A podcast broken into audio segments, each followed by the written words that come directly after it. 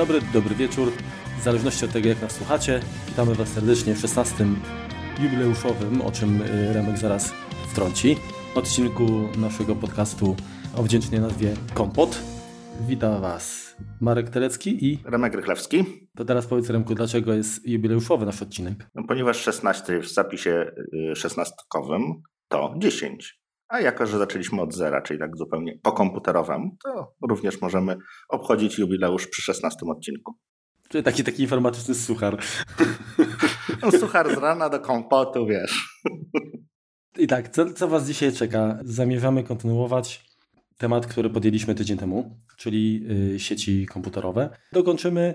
Myślę, że to nie jest ostateczne słowo, które w, w, tej materii będziemy chcieli w ogóle zabrać. Natomiast tak, żeby uporządkować czy, czy te podstawy, y, które mamy nadzieję, że i Wam pomogą się lepiej orientować i zadawać nam więcej pytań, to akurat takie dwa odcinki, dwa kompoty w sam raz. Zaczniemy od jakiegoś uzupełnienia, dlatego że y, nagrywając poprzedni odcinek, no troszkę byliśmy już zmęczeni, zresztą byliśmy mocno rozbawieni. Oj tak. Myślę, że dzisiaj też smutnie, smutno nie będzie. Już się o to postarasz. w każdym bądź razie rozmawialiśmy o kabelkach, o urządzeniach i parę rzeczy jeszcze do tej listy dodamy. Także od czego zaczniemy, Remku? Z jakiegoś takiego uzupełnienia. Troszeczkę to jest kwestia to, co, to, co już zdążyliście się, zdążyliście się zapytać. No, nagrywamy to właściwie, no zdradzimy tego samego dnia, w którym opublikowaliśmy kompot, więc tej, tego waszego feedbacku, nazwijmy to brzydko, jest niewiele, natomiast już jakieś tam coś tam już tam wytknęliście. Zacznijmy może od jakiegoś uzupełnienia, którą jest długość Ethernetu. Można przyjąć, że 100 metrów to jest maksymalna długość, na którym, na którym możemy użyć kabla Y, kategorii piątej czy kategorii szóstej. Jeśli chodzi o światłowody, jest to dużo dłużej. Więc jeżeli mamy y, jakąś wielgachną posiadłość, czy chcemy sobie podpiąć sieć pomiędzy naprawdę oddalonymi punktami, no to już wtedy musimy użyć światła. No nawet powinniśmy, tak? Jeżeli to już jest rzeczywiście gdzieś tam w ziemi ma leżeć, no to lepiej, żeby to było światło, lepiej, żeby to był światłowód. Jest to mniej narażone na czynniki zewnętrzne. Pamiętajcie, że to jest 100 metrów y, ze wszystkimi zagięciami, pętelkami, mandrami, a nie jak, jak to się mówi, jak na mapach SD Crowflies. Tak. Tam jest chyba 105 metrów, no ale już nie wnikajmy w szczegóły. Druga sprawa, to co kiedyś się spotkałem, niestety, istnieje coś takiego jak rozdzielacz ISDN, taki trójnik. To jest, ma posiada jedną wtyczkę i dwa gniazda ISDN i widziałem to niestety w przyrodzie użyte jako, zamiast switcha, tak? Komuś się skończyły gniazdka, to sobie wpiął coś takiego, wpiął do tego dwa komputery i o dziwo to nawet trochę działało. No nie róbcie nic takiego, to, to nie do tego służy. Ethernet jest bardzo kuloodporny, dlatego to działa, natomiast no to, to po prostu generuje tyle błędów, y, no, no nie. Dobrze. Teraz też tak namawialiśmy o tym kablu, to teraz czemu kabel, czemu nie Wi-Fi? To może taka troszeczkę, troszeczkę dłuższy, dłuższy temat. No. Jak, jak sieć nie działa, można się powiesić. No jest to jeden, jedna z możliwości. Natomiast tak, to wam opowiem, co, co mi się jakby przydarzyło w jednej sieci Wi-Fi, którą zarządzam. To jest gdzieś tam w Warszawie, powiedzmy, to ona jest z kilku access pointów zbudowana, natomiast nie jest to centrum, tak? W przeciągu roku urządzenia, te access pointy, które, które były w tym budynku, spotkały 3000 innych obcych access pointów. Czyli 3000 osób pojawiło się z włączonym Wi-Fi w telefonie, pojawiło się z jakimiś Wi-Fiami, czy po prostu mieszka i ma swoje sieci w pobliżu. Jeśli chodzi o 2,4 GHz, mamy tam teoretycznie 13 kanałów, natomiast tak naprawdę to powinniśmy używać kanału pierwszego, szóstego, no i ostatniego ponieważ te, te kanały jakby zachodzą na siebie, tak? Nie wnikając w szczegóły, o, o Wi-Fi będziemy jeszcze mówili du, dużo dłużej. Więc żeby jeden access point nie zakłócał drugiego, to tak naprawdę mogą być trzy w pobliżu. Jeszcze myślę, że warto dodać, że y, zwłaszcza przy częstotliwości 2,4 GHz jest wiele urządzeń innych typu, nie wiem, mikrofalówki, tak, czy urządzenia Bluetooth, które używają podobnych częstotliwości i to znacząco wpływa na zakłócenia. Dokładnie, tak, tak, tak. A wiesz, Marku, czemu akurat 2,4 GHz zostało uwolnione do użytku takiego mm, przez nielicencjonowanego, nazwijmy to? Dobrze, strzel. Strzel mi prosto w łeb, no. Więc no nie wiem, yy, nie wnikałem. Przypuszczam, że, znaczy, to jest moje takie przypuszczenie mhm. oczywiście, że yy, częstotliwości, które są uwalniane mają też jakby związek z tym, które częstotliwości są zarezerwowane przez, nie wiem, wojsko, jakieś inne organizacje i te, które są jakby najmniej jakby y, newralgiczne są oddawane zwykłym śmiertelnikom. Ale prawdopodobnie jakaś przyczyna mogła być inna. Masz rację, jak najbardziej. Natomiast 2,4 GHz, to y, może podpowiem inaczej. A myślisz, czemu mikrofalówka działa na 2,4 GHz? Na tą samą częstotliwość co Wi-Fi. No, Wi-Fi. no jakiś taki przypadek? Nie, nie wnikałem w to. Przypuszczam, że jakieś zjawiska fizyczne, które zachodzą, są najłatwiej jest ogarnąć przy takiej częstotliwości. Prawdopodobnie, czyli jakby celem zmniejszenia komplikacji jakby sprzętu, prawdopodobnie, czy jakichś, nie wiem, anten, nadajników, być może właśnie taka częstotliwość może jest, jest, jest wybrana. Nie wiem. Y, częstotliwość fali 2,4 GHz y, powoduje wzbudzanie się wody. Czyli cząsteczka wody na to bardzo dobrze reaguje. Dlatego mikrofalówka podgrzewa nam jedzenie, bo podgrzewa, wzbudza wodę, tak? Porusza wodą, która się znajduje no. w jedzeniu, które podgrzewamy. Dlatego na przykład słuchawki Bluetooth nie działają pod wodą, dlatego Wi-Fi nie działa pod wodą i dlatego łącza takie radiolinie na 2,4 GHz, które się tam pojawiają przy dużym deszczu, też mają wielkie problemy. I dlatego na przykład yy, Pamiętam, że kiedyś pokazywano właśnie taki, taki, taki przykład, jak można ugotować jajko umieszczone między dwoma telefonami, tak? Czy między jakimiś nadajnikami. No, no ale to prawdopodobnie też, też podobne no tak, no, z, y, zjawisko było wykorzystane. Stare właśnie. Nokia potrafiły, czy stare telefony potrafiły y, GSM-owe w drugiej generacji, potrafiły no, z 4 watów jak gdyby. Natomiast wiesz co, to i tak będzie za mało dla jajka. 4 waty ja nie sądzę, żeby to była a, pra, pra, prawda. Jak to będzie jajko przepiórcze? No wiesz, mikrofalówce masz tam, nie wiem, 500 watów, tak? I to, i to, no, no. i to podgrzewa. Natomiast tutaj 4, czy nawet biorąc pod uwagę 3, 3 telefony, to tam znaczy, 12. No nie mówię, że od razu była jajcica, ale, ale generalnie jakąś tam różnicę pewnie dało znaczy, nie, no podgrzewa, oczywiście, mierzyć, że no. tak. Jasne, że tak. 5 GHz zostało uwolnione z tego samego powodu, ponieważ to jest pierwsza harmoniczna. Drugą częstotliwością, którą na którą y, możemy liczyć, że Wi-Fi niebawem będzie działać, to jest bardzo oddalona od tego, czyli to jest 60 GHz. I ona też jest tak naprawdę nieprzydatna do niczego, ponieważ jej przeszkadza powietrze. Ono y, cząsteczki tlenu wzbudza. Więc dlatego te częstotliwości, które no nie mają praktycznego, możliwości praktycznego wykorzystania zostały jakby uwolnione, dlatego ten Bluetooth, dlatego to wszystko działa na tych samych y, częstotliwościach. Więc tak, wiemy już, że, że, to, że to pasmo Wi-Fi, no jest raz, że jest mnóstwo tych access pointów, dużo różnych urządzeń może, może nam tam, mówiąc kolokwialnie, siać. Pierwszym jakby pomysłem no to jest usieć w 5, 5 GHz, natomiast na razie działa, tak? Natomiast y, coraz więcej urządzeń również działa na 5 GHz, bo czemu nie? Wszyscy mają ten sam problem co my, no to nasi sąsiedzi też przechodzą na to 5 GHz. One gorzej troszeczkę przechodzi przez ściany, więc o tyle mniej będzie się zakłócało między, między sobą. Natomiast decydując się na Wi-Fi, no nigdy nie mamy sytuacji takiej, no chyba, że rzeczywiście mieszkamy na jakimś zupełnym wygwizdowie na środku lasu, no to wtedy fajnie, cudownie, no możemy sobie używać, no nie będziemy mieli sąsiadów, którzy nam zakłócają, ewentualnie grzybiarze mogą nam przeszkadzać w odbiorze. Natomiast no, nie, będzie, nie będzie aż taka ilość. Wspominaliśmy również o tym, że zawsze kabel będzie szybszy, no chyba, że, chyba, że użyjemy 100 megabit. No to wtedy nie, natomiast tak jak, tak jak też mówiliśmy, kupowanie urządzeń, które nie są gigabitowe aktualnie, no, no jakby mija się z celem. Aczkolwiek nadal sprzedaży chyba jeszcze są Apple TV czwartej generacji, tak? Nie 4K, a 4 mhm. czwórka, które ma z tego co kojarzę chyba jeszcze setkę. Ma setkę. Wiesz co, bo akurat tutaj nie ma głębszego sensu, żeby ono posiadało szybszy interfejs, bo i tak i tak strumień danych, które potrzebuje nawet dla odtworzenia y, filmu HD. No tak, to nawet będziemy 25, pewnie 30 I to jest już jakość Blu-raya. I to jest mhm. już jakość Blu-raya, więc on i tak i tak ma zapas. I w tym momencie to urządzenie, które jest wolniejsze, natomiast powoduje mniej skoków w sieci. Czyli nie ma sytuacji takiej, że co jakiś czas zapycha tą sieć przez ciągnięcie danych. Więc jest to też z jednej strony takie troszeczkę bez sensu, tak? No wkładają jakiś stary, starego klocka, w sensie urządzenia do tego, tą interfejs sieciowy. Natomiast y, w tym przypadku ma to nawet jakiś tam sens logiczny. No poza tym, że na Switchu świeci się u mnie brzydko, ale to i tak, i tak, mimo to, że, że to Wi-Fi jest powiedzmy nominalnie tam szybsze, no bo tam jest e, AC bodajże, No, ja i tak mam to podpięte po kablu, żeby nie mieć problemu z zakłóceniami. No się czasy dostępu, nie? Też. Tak, tak, no to jest jakby... To mniej więcej jakbyśmy porównali, kurczę, no dysk SSD i talerzowy, tak? Poniekąd, czyli jakby SSD będzie odpowiednikiem kabla, natomiast talerzowy Wi-Fi. Tak. No dlatego teraz ja na przykład nagrywam na...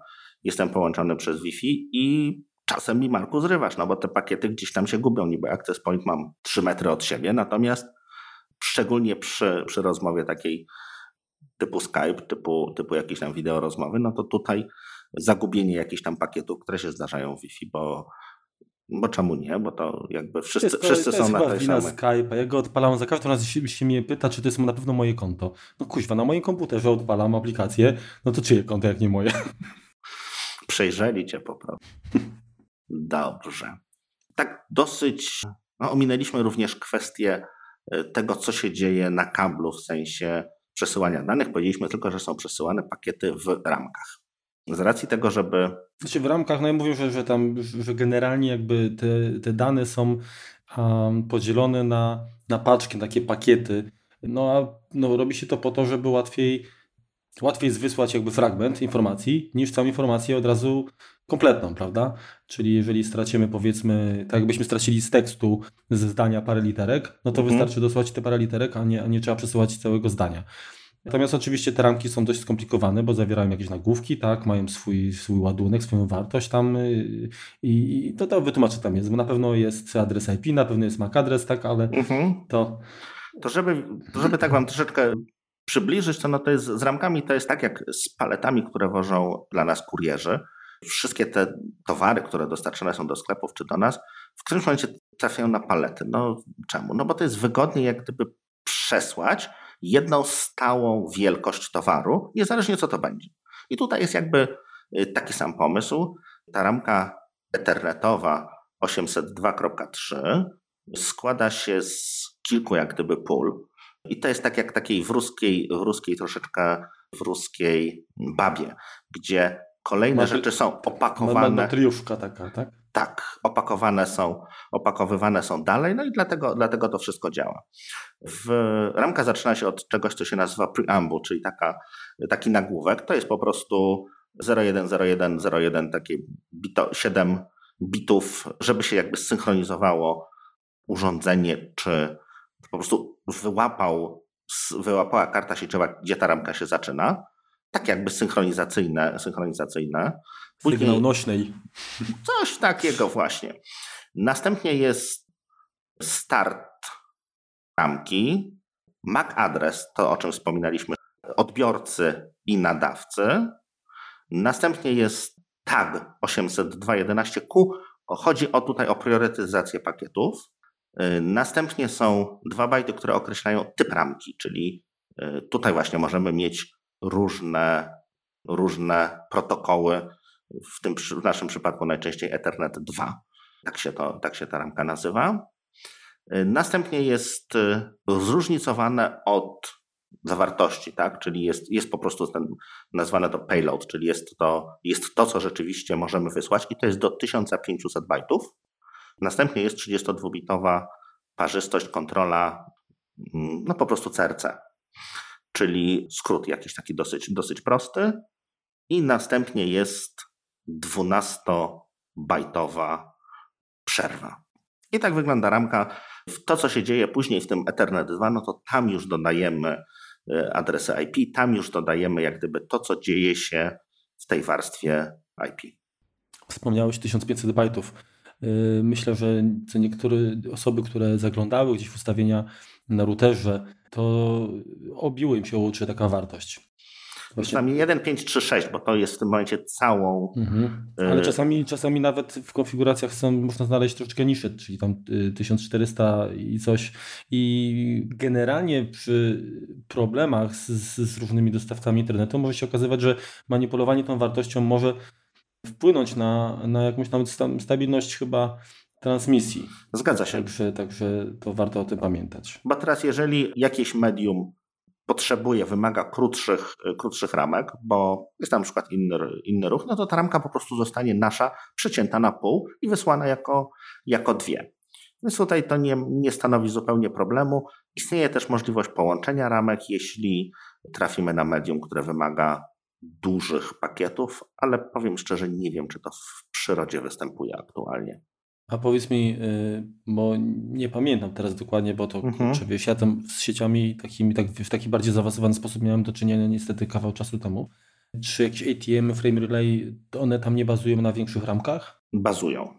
No właśnie, czyli... No właśnie bazują, natomiast wiesz co, nie wiem, teraz też nie, nie siedzę w tym jak gdyby, czy że one rzeczywiście sklejają te ramki, czy to, czy to jest w jakiś tam sposób inny rozwiązane. Okej. Okay. Okay. czyli jeżeli tutaj już kwestię ramek, pakietów yy, mamy wyjaśnioną, a przynajmniej przybliżoną, bo oczywiście y, to można było pewnie całe jedno nagranie poświęcić yy, takim właśnie drobnym elementom, to jeszcze w kwestii jakby uzupełnienia mamy parę urządzeń sieciowych, yy, które jakoś nam uciekły, po prostu chyba nie zdążyliśmy. Ja bym zaczął może od tych, które sam wykorzystuję. Jedno urządzenie Mm, albo inaczej, urządzenie, które mam, yy, posiadam, jest to modem telewizji kablowej, natomiast w moim przypadku on pracuje wyłącznie w trybie brydża. Czyli inaczej mówiąc, yy, z uwagi na to, że to, co dostarcza mój dostawca internetowy, tak, moja telewizja kablowa, mhm. Y, to jest taki wash and go, wash and go czyli jest, jest, jest modem kablowy z routerem i, i Wi-Fi, tylko to Wi-Fi to jest jakieś tam marne 2.4 NK, tam nie wiem, 150 chyba, może, 300, może 300 megabitów, także szału nie ma. Dlatego ja w momencie y, tam instalacji tego poprosiłem od razu o wyłączenie zdalne już tam u nich na serwerze, żeby ta konfiguracja po prostu, która się wczytuje, nie zawierała obsługi Wi-Fi i podłączam swój router, mhm. którym jest y, Airport Express piątej generacji. No i po to, żeby routing odbywał się na moim urządzeniu, a nie na urządzeniu dostawcy, ten ich grad jest ustawiony w tryb brydża, czyli po prostu taki taki pośrednik, który łączy jakby segmenty sieci, natomiast nic więcej jakby tam nie robi. No on jeszcze, on mnie oczywiście identyfikuje, tak żeby oni wiedzieli, że to jestem ja na pewno i tak dalej. Natomiast e, jego rola się sprowadza do takich no, kilku praktycznie elementów. Tak jak powiedziałeś, no bridge działa na y, warstwie drugiej, czyli on po prostu przerzuca wszystko z jednego interfejsu do drugiego. W tym przypadku tutaj jest jeszcze E, jakby zamiana troszeczkę medium. Mhm, generalnie sobie stosuje się, jak chcesz na przykład zwiększyć zasięg sieci też, nie? Mhm. Także, także pod tym względem to, to one są przydatne. Zresztą one są proste w obsłudze, także pod tym względem jest, jest też duża jakby zaleta. Jeszcze a propos Bridge'a, no to on ma możliwość, tak jak z, przerzuca te pakiety, y, wszystkie, które do niego przychodzą, prze, przerzuca pomiędzy dwoma interfejsami, natomiast wewnątrz ma troszeczkę logiki i może tam sobie podejrzeć, tak? Więc jeżeli chcemy podsłuchać jakieś urządzenie, czy oczywiście w dobrych cenach zanalizować, co się dzieje. W trosce o dobro klienta. Co się dzieje właśnie na, na, na drucie, no to możemy swoje urządzenie, czy, czy jakiś y, miernik w trybie brydża właśnie podpiąć pomiędzy to urządzenie a sieć i w tym momencie mamy wgląd w to, co się dzieje na kablu bez wiedzy obydwu stron. Okej, okay. i teraz jak wspomniałem o rozszerzeniu sieci, drugie urządzenie, które wykorzystuje siebie, to jest repeater. Polskie tłumaczenie, tłumaczenia są różne. Czasami się mówi wzmacniacz, wzmacniak, czy extender, to z angielskiego wręcz extender. Generalnie mhm. o co chodzi? Chodzi o to, że jest to urządzenie, które mm, rozszerza sieć, ale bezprzewodową. E, przynajmniej, no się to są repeatery kablowe też jak najbardziej, natomiast z tego co kojarzę, tak? Dobrze mówię? Myślę, że są, bo jeżeli chodzi o połączenie, jak chcesz wydłużyć sieć internetową też powyżej tych 100 metrów, no to też musisz zastosować jakiś, jakiś wzmacniacz, tak, prawda? Tak, masz rację, dokładnie. Czyli, czyli, czyli są, dokładnie. E, natomiast no ja wykorzystuję oczywiście e, repeater jako urządzenie, które zwiększa zasięg mojej sieci bezprzewodowej. Jest to AirPort Express, dlatego że no po pierwsze zależało mi na wygodzie na zasadzie konfiguruj zapomnij. E, mhm. Dwa, że to urządzenie w momencie, kiedy ja podejmowałem decyzję o rozszerzeniu sieci, no praktycznie było bezkonkurencyjne, albo inaczej. Próbowałem rozwiązań tańszych, niestety nie sprawdziły się z uwagi na powiedzmy wykastrowaną obsługę niektórych protokołów typu MDNS albo stabilność pracy. Dlatego y, zostałem przy tym urządzeniu. Natomiast to, na co warto zwrócić uwagę, to y, że taki repeater oczywiście on może być wpięty powiedzmy kablowo, mhm. do źródła i dalej rozpylać sygnał bezprzewodowy, ale może też sygnał przekazywać, że odbierać i przekazywać dalej bezprzewodowo. I w tym drugim wypadku warto zwrócić uwagę na to, że są rozwiązania jedno-, dwuzakresowe i tak samo jedno- i dwuantenowe mhm. lub więcej, tak? I w tym momencie, w zależności od tego, jak proste jest to urządzenie, no niestety wpływa to na wydajność. Jeżeli chodzi o Airport, Airport Express, jest to urządzenie e, dwuzakresowe, w związku z czym ja e, odbieram sygnał na 2,4 GHz, a dalej go rozpylam na 5 GHz i to jakoś nie wpływa znacznie na na wydajność mojej sieci. Natomiast gdybym Ale on ma to... dwa hmm? zakresy i dwie anteny, czy ma jedną antenę? Bo tego nie pamiętam. Kurczę, wiesz to? Musiałbym sprawdzić. Tak czy inaczej, no tak, jeżeli mamy jedną antenę, tak, no to w tym momencie ta przepustowość teoretyczna jest dzielona na pół, bo musimy część pasma jakby oddać yy, na transmisję w jednym kierunku. I niestety właśnie to jest to, że jeżeli urządzenie teoretycznie oferuje 300 megabitów, tak, no to praktycznie mamy 150. A tak, a, a, to jeszcze musimy podzielić na pół, bo, bo wysyłamy, odbieramy, a, a, jak już wspomnieliśmy w poprzednim odcinku, y, radiówka pracuje w half-duplexie, tak?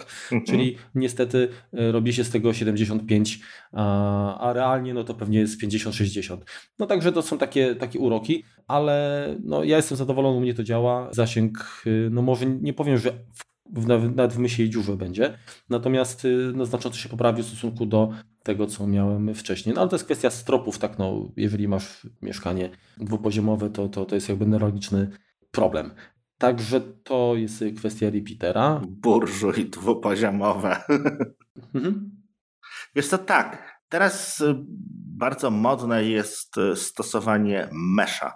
A no właśnie tak naprawdę mesh, o meszu jeszcze poopowiadamy później, natomiast teraz tak, jakby w trzech słowach. Jak już chcecie kupić, nie macie zupełnie sieci Wi-Fi lub chcecie ją jakoś rzeczywiście mocno poprawić, to nie decydujcie się niestety na rozwiązania Apple'a.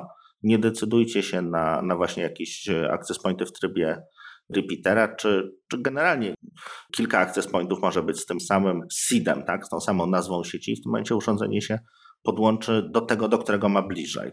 Więc to też będzie działało w tym momencie na, na, na różnych kanałach. Natomiast to, co daje dodatkowo mesh, to on raz, że robi to automatycznie, automagicznie, dwa, sam potrafi przełączyć urządzenie pomiędzy różnymi access pointami. I to na razie tyle wystarczy. I zdaje się, że chyba jakiś load balancing jest przynajmniej przy bardziej zaawansowanych rozwiązaniach. Mhm. E, także, także no to faktycznie ma jakieś tam, ma duży plus. Czyli jakbyś, jakbyście już musieli dzisiaj iść do sklepu, y, nie czekając na, na odcinek kompotu o, o sieciach, no to raczej wybierzcie jakieś rozwiązanie meszowe. Niestety z bólem serca to mówimy, rozwiązania sieciowe Apple'a no, zostały troszeczkę w tyle. Czy będą rozwijane aktualnie? Wygląda na to, że nie. No szkoda, szkoda. Niestety, no bo one naprawdę fajnie działały. W sensie, jeżeli nie mieliśmy rzeczywiście dużych wymagań co do, co do sieci, y, no to to było fajne, ale Porozmawiamy jeszcze o sieciach troszeczkę więcej innym razem. W ogóle sieciach Wi-Fi, bo tutaj jest kwestia chociażby niebezpieczeństwa, czyli jakaś autentykacja i tak dalej, szyfrowanie, to jest dodatkowa jakby tutaj godzinka gadania, także... Dodatkowy cykl, tak. Dokładnie. Oprócz brydża, czy brydżyka, nie mylić z brydżem cielęcym, czyli mostkiem cielęcym, ale kwas. Możemy mieć coś, co się nazywa transceiver. I to jest takie urządzenie, które po prostu zmienia medium. Czyli na przykład mamy światłowód i chcemy do tego podpiąć jakiś komputer, no to korzystamy z transceivera i ten światłowód po prostu zamienimy na Ethernet. Widzisz, to ja pamiętam jeszcze ze starych czasów, do Maców klasycznych kupowało się, mm, to były dwa rozwiązania. Jedno to był tak zwany transceiver AUI, mm, taka firma Farallon produkowała i to powodowało właśnie, że można było wykorzystać, znaczy raz, raz że Maki miały swoje złącze takie nietypowe AUI mm, i to można było wykorzystać, e, zdaje się właśnie z, z standardem RJ45, a drugie rozwiązanie to w sieciach regowych, czyli RS232, mhm. transceivery, które się nazywały PhoneNet i one po, pozwalały na wykorzystanie takiego przewodu telefonicznego do mhm. połączenia komputerów. Dokładnie tak. Wspomnieliśmy też troszkę o switchach i czym jest zarządzalny, niezarządzalny i, i jak na to patrzeć. Znaczy, ja, ja pamiętam, że tylko wspomniałem, mm, że zarządzalny pozwala między innymi właśnie określić zachowanie portu mhm. w zależności od, od MAC adresu na przykład i że można tworzyć wilany. No tak, ale no to właśnie troszeczkę musimy powiedzieć o, o tym, co, co te wilany, co to jest ten wilan. To jest jakby tak byśmy najprościej powiedzieli, możemy przeciąć ten switch na pół, czyli tak wziąć piłę, przepiłować pierwsze, nie wiem, cztery porty działają jako jeden switch, jedna sieć, drugie są zupełnie niezależne, działają jako druga, czyli na przykład podłączamy do niej te nasze przysłowiowe smart żarówki. W tym momencie one nie mają ze sobą zupełnie fizycznego kontaktu. Tych wilanów tam można zrobić dość dużo. Switche pomiędzy sobą mogą jak gdyby dzielić na jednym kablu, puszczać kilka wilanów, czyli możemy mieć jedno urządzenie, które, nie wiem, na przykład ma maszyny wirtualne, jakiś, jakiś nasz komputer, i wtedy ono może korzystać z jednego interfejsu, z kilku wilanów i to będzie, nie będzie miało na siebie wpływu najmniejszego, to po prostu będzie działało przezroczyście. Troszeczkę bardziej zaawansowane, natomiast ty do domu kupować, jeśli myślicie przyszłościowo o, o rzeczywiście segregacji tych, tych, tych urządzeń, czy zrobieniu jakiejś sieci dla, dla gości, tak?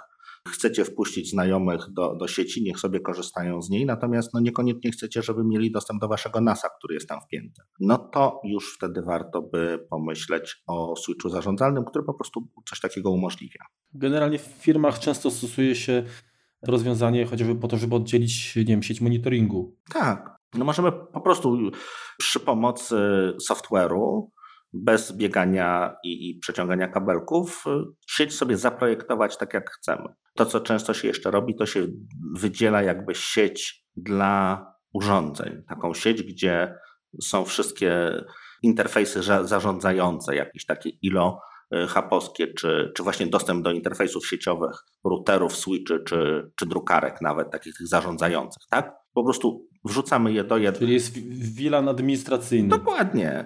Wrzucamy tak. je do jednego worka i tam normalny pracownik nie ma dostępu, tylko jest dostęp z jakichś tam komputerów czy, czy portów administracyjnych do tego. Więc to się przydaje. To, co jeszcze może robić switch zarządzalny, to ma możliwość połączenia jak gdyby dwóch przewodów, czyli łączymy na przykład dwa switche między sobą, dwoma kablami. Normalny switch zgłupieje, zacznie te, te, te pakiety wysyłać w kółko, wysyci się, chyba że ma tam jakąś detekcję właśnie lub baku, natomiast po prostu nie będzie miał. Natomiast zarządzalny, jeżeli ustawimy, że te porty działają w trybie na przykład file tak? Czyli w tym momencie, jeżeli mamy długą, długą, jak, długie jakieś połączenie, po którym no coś się może zdarzyć, tak? Mysz nam prze, przegryzie kabel, no to drugi w tym momencie zacznie działać.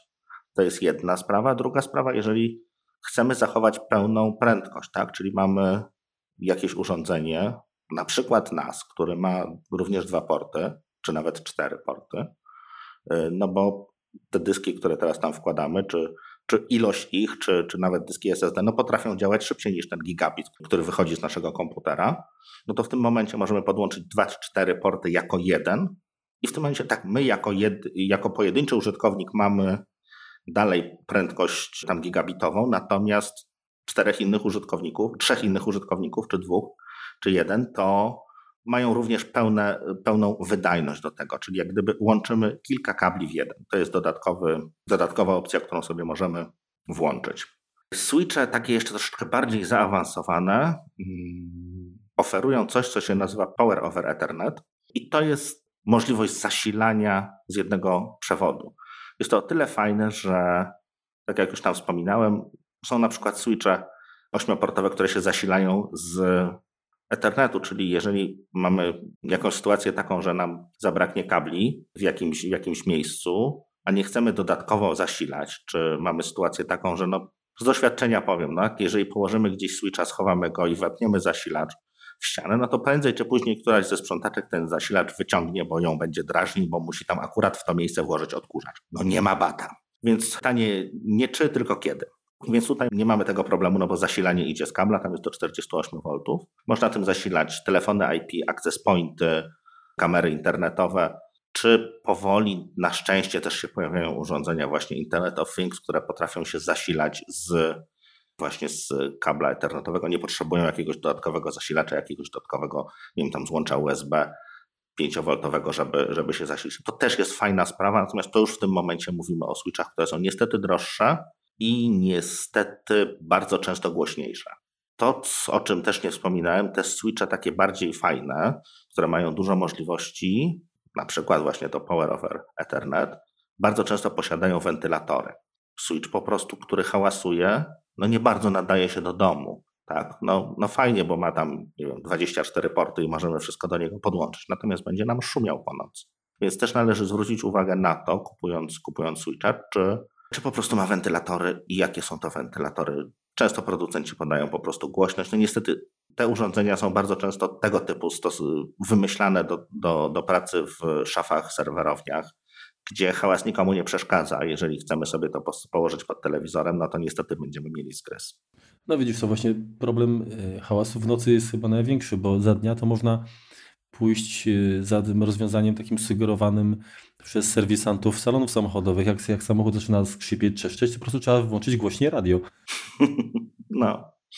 Znaczy wiesz, no jest to, jest to drażniące, no niestety naciąłem się na coś takiego kiedyś, na to, więc o tym wspominam. Wiesz, jeszcze gorzej, jak, jak, wiesz, jak wentylator wleci, tak. wiesz co. to się na hałasie nie skończy. Dobrze, więc to mi się przypomniało jeszcze, jeszcze jedno urządzenie. Chyba, że jeszcze będziesz kontynuował w Switchach. Nie, nie, już Switchach. Już, już, już, dobrze. Okay. Wystarczy. Urządzenie, które wspominałem zresztą w, podczas nagrania e, świątecznego podcastu z chłopakami z Think Apple i z e, Mac Podcast. Chodzi mi o Cyborg Unplug, czyli taki antyrouter. To jest stosunkowo, myślę, nowy pomysł urządzenia, które ma zapewnić nam dostęp do sieci i jeżeli ktoś będzie próbował się do tej sieci podłączyć, to jeżeli będzie na czarnej liście, to automatycznie zostanie jakby odcięty. Czyli generalnie chodzi o to, żeby te urządzenia, które są jakby na tyle inteligentne, które e, próbują się same podłączać, żeby miały jakby utrudniony tutaj proceder taki, czyli no nie będę wnikał, bo to zresztą dodamy w opisie e, adres do producenta, także sobie zobaczycie e, czym to się je. No, ale czułem się jakby zobowiązany wspomnieć, bo jest to jakby, wydaje mi się, kolejna grupa urządzeń sieciowych i chyba z uwagi na jakieś niebezpieczeństwo, e, prywatność, wygodę, myślę, że coraz więcej tego typu urządzeń właśnie będzie się pojawiać. Tak, ja już teraz nie przypomnę sobie nazwy, natomiast już coś, coś podobnego widziałem. Na pewno podobną funkcjonalność zaczynają mieć jako dodatek niektóre access pointy routery. Na pewno coś takiego miał access point Nortona, bardzo ładnie wyglądający, natomiast nic Nortona bym nie chciał do domu. Moja opinia. Mhm. E, I coś takiego ma Eero, czyli ten, ten taki mesh, który jest ostatnio dość popularny. E, niestety nie, chyba niedostępny cały czas w Polsce. Mm, on też ma właśnie funkcję e, takiego troszeczkę IDS-u, czyli to jest Intrusion Detection System, czyli takiego systemu wykrywania włamań. To się czasem pojawia na takich firewallach bardziej firmowych, takich dużych urządzeniach, Big Iron. Mm, natomiast te, te, te, wchodzi to powoli jakby do, do rynku konsumenckiego. Znaczy to, to było Cisco ma coś takiego, się nazywa Ironport. Kojarzysz? Kojarzysz. Czyli to jest sprzętowy taki firewall, ale on tam jeszcze filtruje i inne rzeczy robi pod względem jakby zawartości jakby tego, co tam jest jakby w tych, w tych, w tych danych. Mm -hmm. No, no to też jakby jest, w tej chwili są to dedykowane urządzenia już. Tak, tak, tak. No, Sonic Wall coś takiego robi. Jest tego, tego dużo. HP sprzedaje też tego typu rozwiązania. W domu możemy sobie również postawić coś takiego przy pomocy jakiegoś tam PC-a i oprogramowania PF-Sense. Mhm. Natomiast no, to jest troszeczkę bardziej skomplikowane niż, niż postawienie zwykłego routera, więc raczej, raczej nie polecamy. Więc to pamiętam, że jeszcze, mm, znaczy dzisiaj to chyba nie jest już dostępne, ale swego czasu firma Citrix, yy, która oferowała zdalny dostęp, no się to nadal jakby oferuje, Zen Desktop i tak dalej, to wcześniej ktoś nazywał właśnie jeszcze jako ICA, na 7 mm -hmm. protokół, to oni oferowali takie rozwiązanie sprzętowe, to się nazywało chyba Application czy Access Gateway, coś takiego. I to jakoś mhm. tam wspomagało też. Znaczy, tak generalnie to był po prostu jakiś router odpowiednio oprogramowany. Tak. Natomiast y, no, jako osobne urządzenie funkcjonowało, ale do bardziej specjalizowanego tutaj zastosowanego, zastosowania. Mhm. Przy czym też należy pamiętać, że wiele tych urządzeń, żeby mieć dostęp do informacji, które są przesyłane przez HTTPS, czyli szyfrowane, musi to szyfrowanie jak gdyby łamać, tak? Czyli w tym momencie to jest taki man in the middle tak naprawdę, czyli potencjalne źródło ataku czy wycieku, więc e, naprawdę uważajcie, jakie urządzenia wstawiacie do sieci, bo potencjalnie takie konsumenckie coś może niestety powodować więcej problemów niż pożytku. No i co, to chyba, jeżeli chodzi o sprzęt, to byłoby na tyle. Na tyle, tak. Opowiadaliśmy w ostatnim odcinku troszeczkę o IP w wersji czwartej. No i tak jak tam wytknęliście, nie, nie się słowem o IP w wersji szóstej. Co to jest, z czym to się je. Tak więc z racji tego, że ilość adresów IP wersji czwartej no to jest 32-bitowa, więc ona jest ograniczona, silnie zaczęła się kończyć. Mądrzy ludzie wymyślili, że warto by wprowadzić nową adresację. Niech sobie stara działa, drogo nowa niech, niech działa równolegle.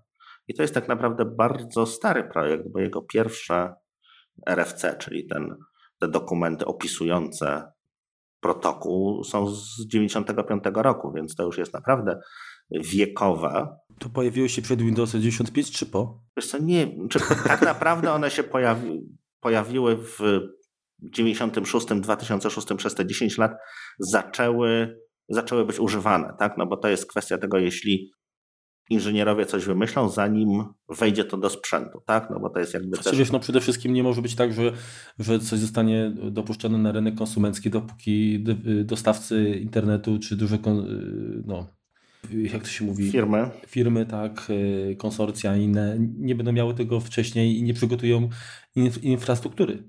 Zgadza się, tak. No, trudno, żeby.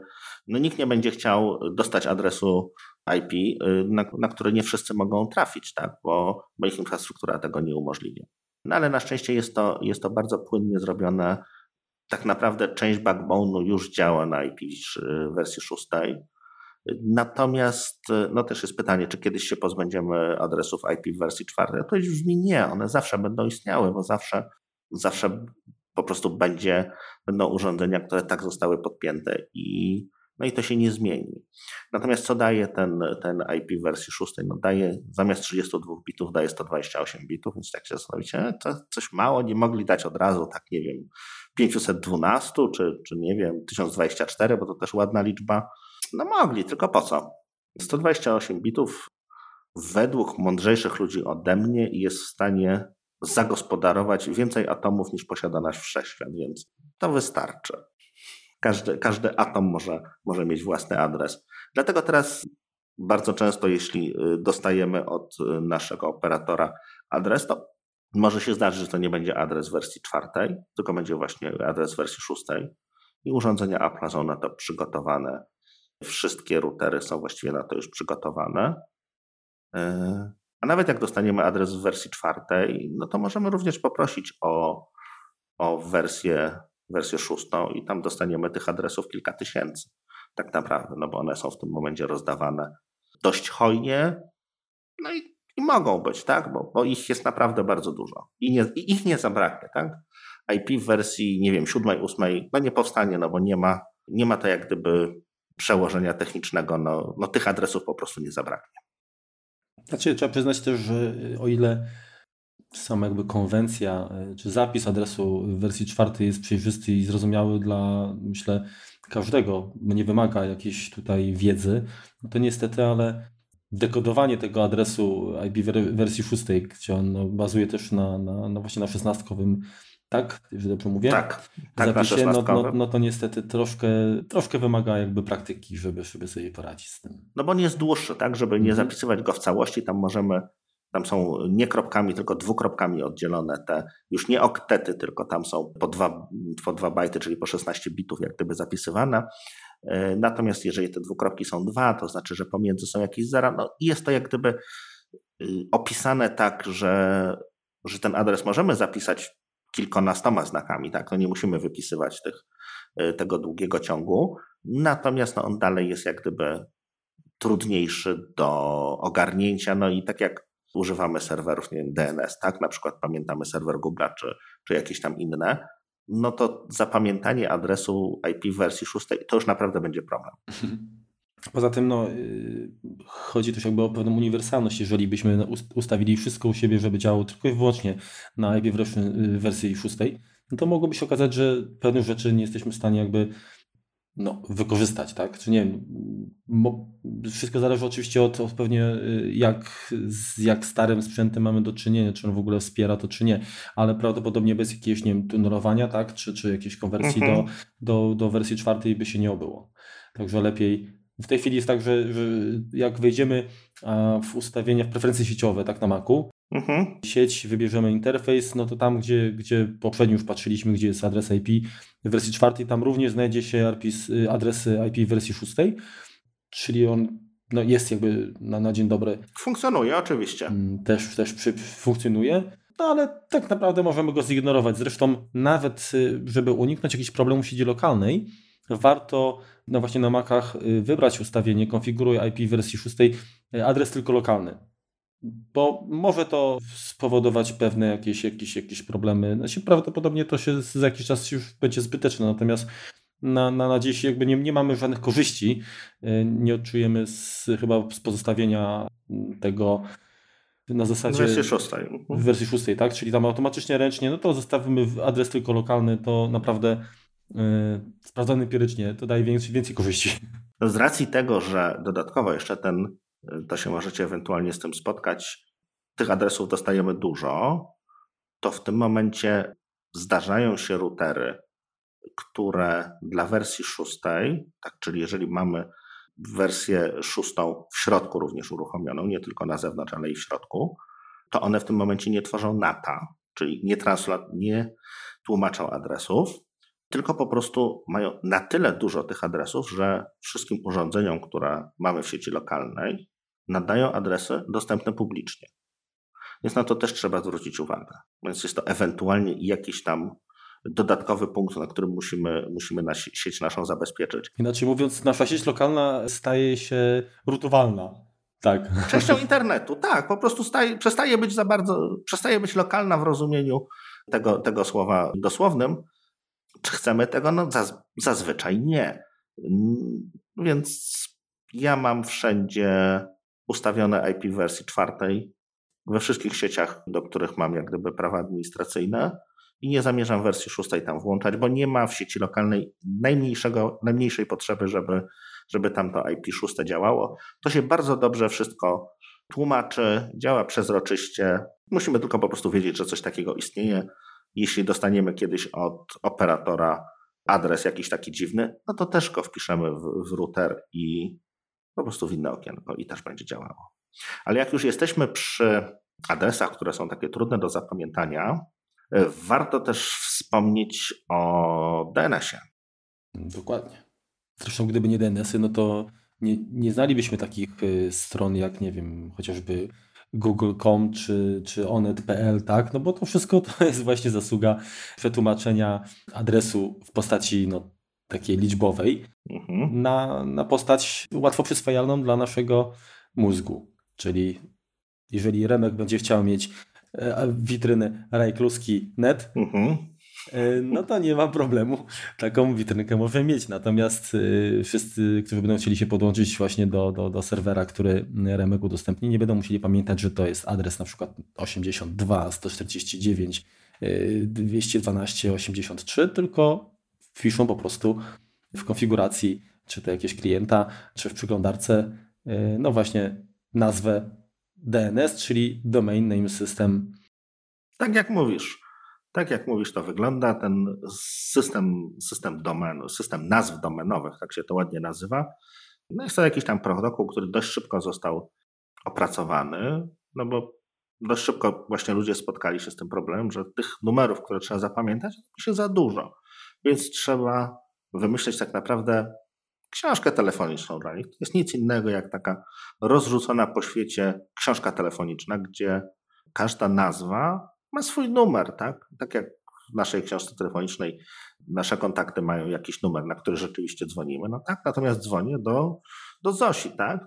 Nie muszę wnikać, nie muszę pamiętać, jaki Zosia ma numer telefonu. Y, osoby, które są bliżej wiekiem na naszemu y, pewnie pamiętają, że w konfiguracji dialera, tak, jeśli łączyliśmy po dialapie do sieci, też trzeba było podawać tak zwane DNS-y, y, które, którymi dysponowało, które udostępniała ówczesna TEPSA. I to, z tego co pamiętam, to było 154, 204, 159.1 i jeszcze był drugi, 152.34 bodajże końcówka. Dalej działa. Dokładnie. I no w tej chwili to bazujemy na googlowskich, tak? Czyli cztery ósemki albo, tak, dobrze mówię? E, dobrze albo mówisz. dwie ósemki, dwie czwórki chyba jeszcze? Tak. Jest, bądź jakimiś e, innymi. Natomiast kwestia jest taka, że jeżeli te DNS-y leżą, a my znamy adres IP serwera, to się do niego podłączymy, tak? No tylko kto pamięta? Wszyscy bazujemy teraz na, na nazwach domenowych. Tak. Innym adresem DNS, który możemy użyć, to jest OpenDNS. On pozwala dodatkowo wyfiltrować troszeczkę ruchu, tak? Jeżeli chcemy, żeby mm, w naszej sieci pewne treści internetowe nie miały wstępu, to możemy użyć OpenDNS-a, założyć tam konto, y, stworzyć sobie jak gdyby profil, na którym pewne rzeczy możemy wyłączyć, żeby na przykład zabezpieczyć nasze latorośle przed, y, przed dostępem do, do pewnych treści i to, i to jak gdyby to jak gdyby działa. Adresy OpenDNS-u podamy w opisie odcinka, bo to, się, bo to się Wam przyda. Właśnie jest jeszcze jedna rzecz, warto pamiętać, ten adres może się przydać z tego względu, że no nasza cenzura potrafi też zablokować dostęp do pewnych witryn, tak? Czyli jeżeli korzystamy ze standardowych DNS-ów, się okaże, że pojawi się powiedzmy, że ta witryna jest niedostępna, tak? Czy jakiś tam błąd, Generalnie chodzi o jakieś strony najczęściej związane hazardowe. z hazardowe, dokładnie, bo jeżeli chodzi o pedofilię, porno i inne rzeczy, to rządu to nie interesuje w dupie, bo z tego pieniędzy nie mają, tak? Gdyby opodatkowali, pewnie by było, ale z hazardu jak najbardziej pieniążki mu uciekają, dlatego tym się zajęli, zajęli i zawsze zajmą w pierwszej kolejności. Mhm. I w tym momencie korzystanie z, in, z alternatywnych adresów DNS może po prostu dostęp y, do takich y, zabronionych witryn no, przywrócić. Tak jest. Y, drugim serwerem, o którym on niedawno powstał, staje się modny. Tak? Moim zdaniem jest szansa, że przebije popularnością serwery DNS-a Google'a. To są cztery dziewiątki, Quad9, y, taka firma. To jest projekt IBM-a. Te serwery wpuszczają porno, natomiast y, blokują kwestie, znaczy wspierają troszeczkę naszą prywatność, blokują troszeczkę to w, jakimś, w jakiś tam sposób jesteśmy śledzeni w sieci. O DNS-ie pewnie powiemy jeszcze troszeczkę więcej innym razem, natomiast no też warto, warto pamiętać, że, że tych firm jest troszkę więcej i no możemy korzystać z czegoś innego. Natomiast z drugiej strony, warto, żeby serwer DNS, z którego korzystamy, odpowiadał nam dość szybko, no bo jeżeli my się łączymy z jakąś stroną internetową, tak, wpisujemy adres onet.pl czy applejuice.pl, to warto, żeby nam to odpowiedziało dość szybko. No nie chcemy czekać, nie wiem, kilka sekund, zanim w ogóle nasz komputer dowie się, pod jaki numer powinien wysłać zapytanie. Więc warto sobie przetestować, czy zmierzyć, który dostawca DNS-u będzie po prostu dla nas działał szybko. Zarówno Quad9, jak i Google mają, mimo tego, że dla nas są to jak gdyby jedne adresy, tak? Natomiast oni mają to rozbite geograficznie, więc tak naprawdę trafiamy do kilku serwerowni. Quad9 na razie działa głównie w, w Stanach. Nie pamiętam, czy mają już jakieś, jakieś serwery w Europie. Natomiast idealnie to byłoby tak, żeby, żeby to było maksymalnie szybko, więc bardzo często warto, warto przemyśleć jednak i użyć adresów dostarczanych przez y, naszego operatora, no bo do nich będziemy mieli najbliżej. Natomiast z drugiej strony te serwery mogą być najbardziej obciążone, tak? To bardzo często jest jakiś komputer, który ma, nie wiem, 10-20 lat nawet, tak? Postawiony gdzieś, działa, bo działa. Nikt się do niego nie dotyka i zasoby czy podłączenie sieciowe na niego no po prostu są zbyt, zbyt znaczy zasoby są zbyt małe, a podłączenie sieciowe zbyt, zbyt wąskie i on po prostu nie wyrabia, tak? Więc warto wybrać DNS, który jest możliwie blisko. Znaczy tak, ja bym jeszcze dodał tylko jedną, jedną rzecz, bo generalnie jeżeli my wyślemy zapytanie na przykład naszego komputera i dostaniemy zwrotnie, tak, mm, no to przypisanie, tak, że ten adres serwera to jest taka domena, to to jest pamiętane w pamięci y, takiej właśnie w takim cache'u DNS na komputerze, tam przynajmniej do restartu. Mhm. To też może, jeżeli zwłaszcza jeżeli kombinujemy jakieś, zmieniamy konfigurację, gdzieś tam się łączymy, cytujemy, to może spowodować problemy i, i warto taki cache po prostu mm, wyczyścić, jeżeli, jeżeli właśnie problemy jakieś, jakieś nam się pojawią. Natomiast oczywiście, jeżeli on działa poprawnie, no to też przyspiesza, bo za każdym razem, gdy wpiszemy adres, nie musimy odpytywać serwera DNS, mamy po prostu odpowiedź e, na miejscu.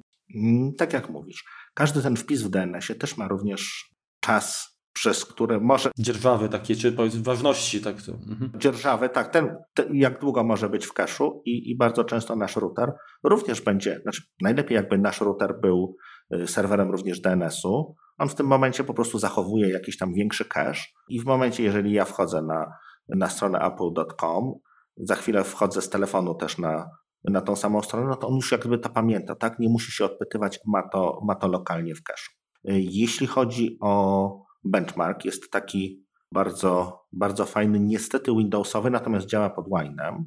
Jeśli ktoś by, ktoś by musiał, DNS Benchmark, podamy linka napisany przez Steve'a Gibsona, o którym już wspominaliśmy, o którym jeszcze dzisiaj pewnie wspomnimy, mhm. który mierzy czas odpowiedzi serwerów DNS, jak również sprawdza, czy jak zachowuje się dany serwer, jeśli wpiszemy adres, który nie istnieje. No bo też możemy jakąś tam zrobić literówkę, i, i co on w tym momencie zrobi, czy wyświetli pusty komunikat, czy przekieruje nas na jakąś dziwną stronę.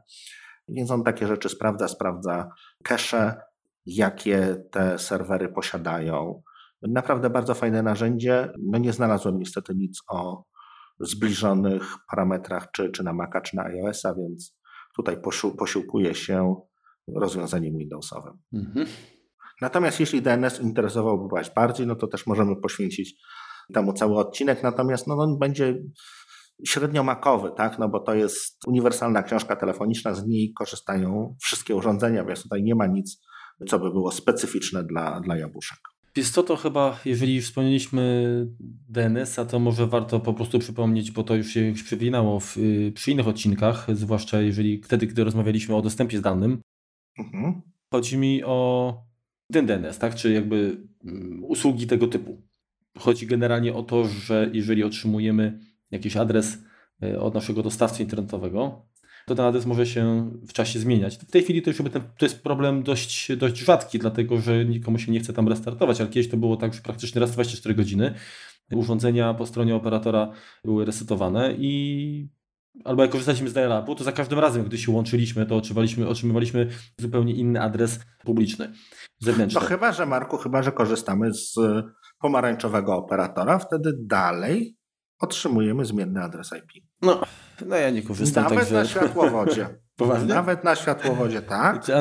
Ale to chyba jest tylko i wyłącznie dlatego, żeby wyciągnąć pieniążki, bo jak rozumiem za dodatkowe 10 zł miesięcznie masz stałe IP bez problemu. Ależ naturalnie korzystam z tego Zresztą właśnie. tak samo jest w plusie przy tych rozwiązaniach od WIDU. Tam też się okazuje, że niestety, ale trzeba parę złotych dopłacić, żeby... żeby Becalen. No, y, tak, żeby móc y, no chociażby powiedzmy z zewnątrz zarządzać, bo niestety mhm. nie przypuszczają w ogóle, nie dają możliwości jakby danego y, zarządzania, dopóki nie ma adresu IP, a to się wiąże z dodatkowym jakimś tam haraczem. No ale to jest dygresja. I teraz tak, pamiętasz jakie ty korzystasz z jakiegoś, ja korzystam z NoIP.com, a ty jakiś miałeś jakiś inny fajny taki serwerek? Tak, ale teraz sobie nie przypomnę, jak on się nazywał. No w każdym, razie, w każdym bądź razie taki serwer um, DNS pozwala jakąś nazwę domenową przypisać do, do adresu naszego, naszej sieci, tak? Także mhm. y, dużo łatwiej jest powiedzmy dostać się z zewnątrz, tym bardziej właśnie jeżeli dochodzi do sytuacji zmiany adresu, powinien klient czy na, na komputerze skonfigurowany, czy na serwerze, jeżeli oczywiście, y, na, przepraszam, na routerze, jeżeli router y, taką opcję mhm. posiada, zapewnia jakby aktualizację y, przypisania, czyli adres IP do tej nazwy domenowej i to dzięki temu możemy powiedzmy z dowolnego miejsca zawsze trafić do domku.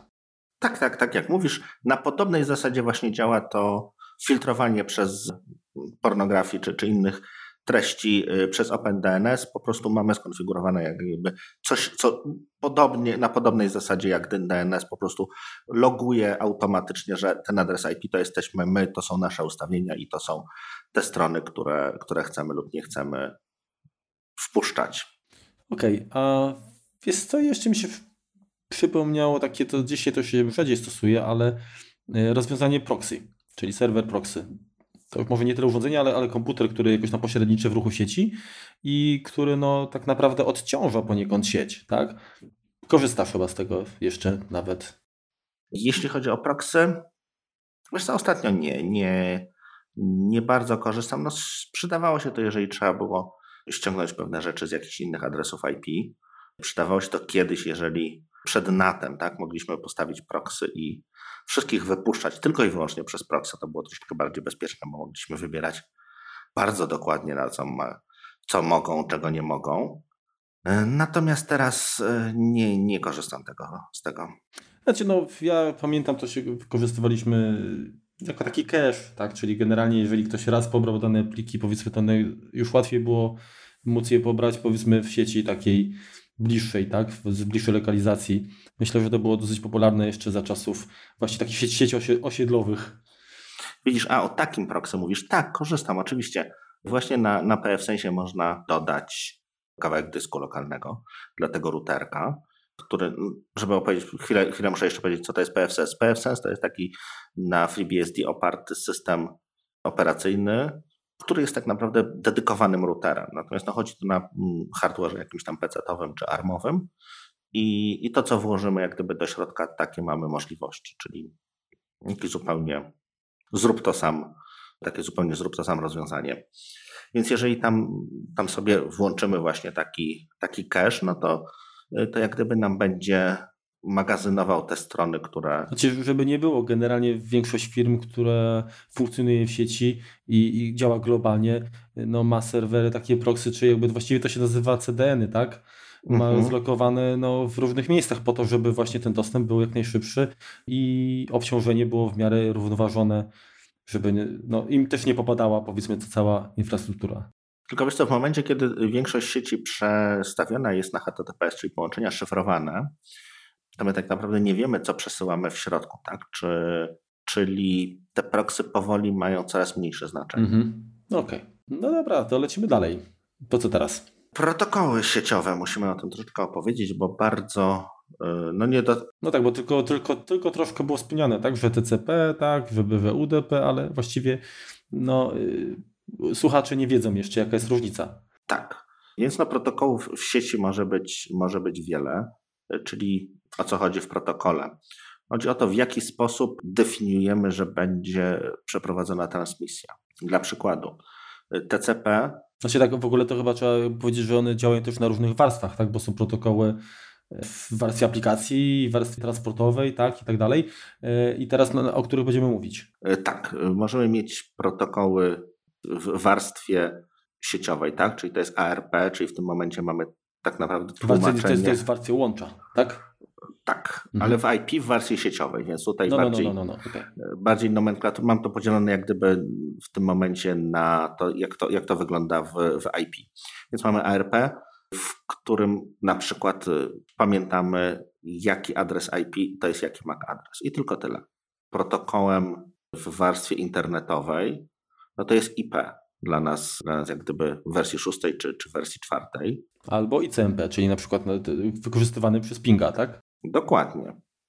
Wyżej mamy jeszcze, no tam są jeszcze jakieś IGMP, no dużo jest tych protokołów takich właściwie... No też mówimy o routingu, nie? To, to, to są tam inne jakby elementy. O routingu tunel, To już jest taka hydraulika internetu. Tak, mhm. tak naprawdę dla nas wystarczy, że jest IP w tym momencie, bo ICMP, no to też jest tak naprawdę hydraulika, natomiast taka hydraulika, do której my mamy dostęp. Cała reszta to już są takie kwestie, no może IPsec jeszcze tam, mhm. tam się znajduje, z którym możemy się zetknąć, natomiast reszta to już są kwestie takie, tak jak mówiłem, potrzebne dla sieci, żeby, żeby sama jak gdyby sobie radziła z jakimiś problemami czy, czy, czy ustawieniami.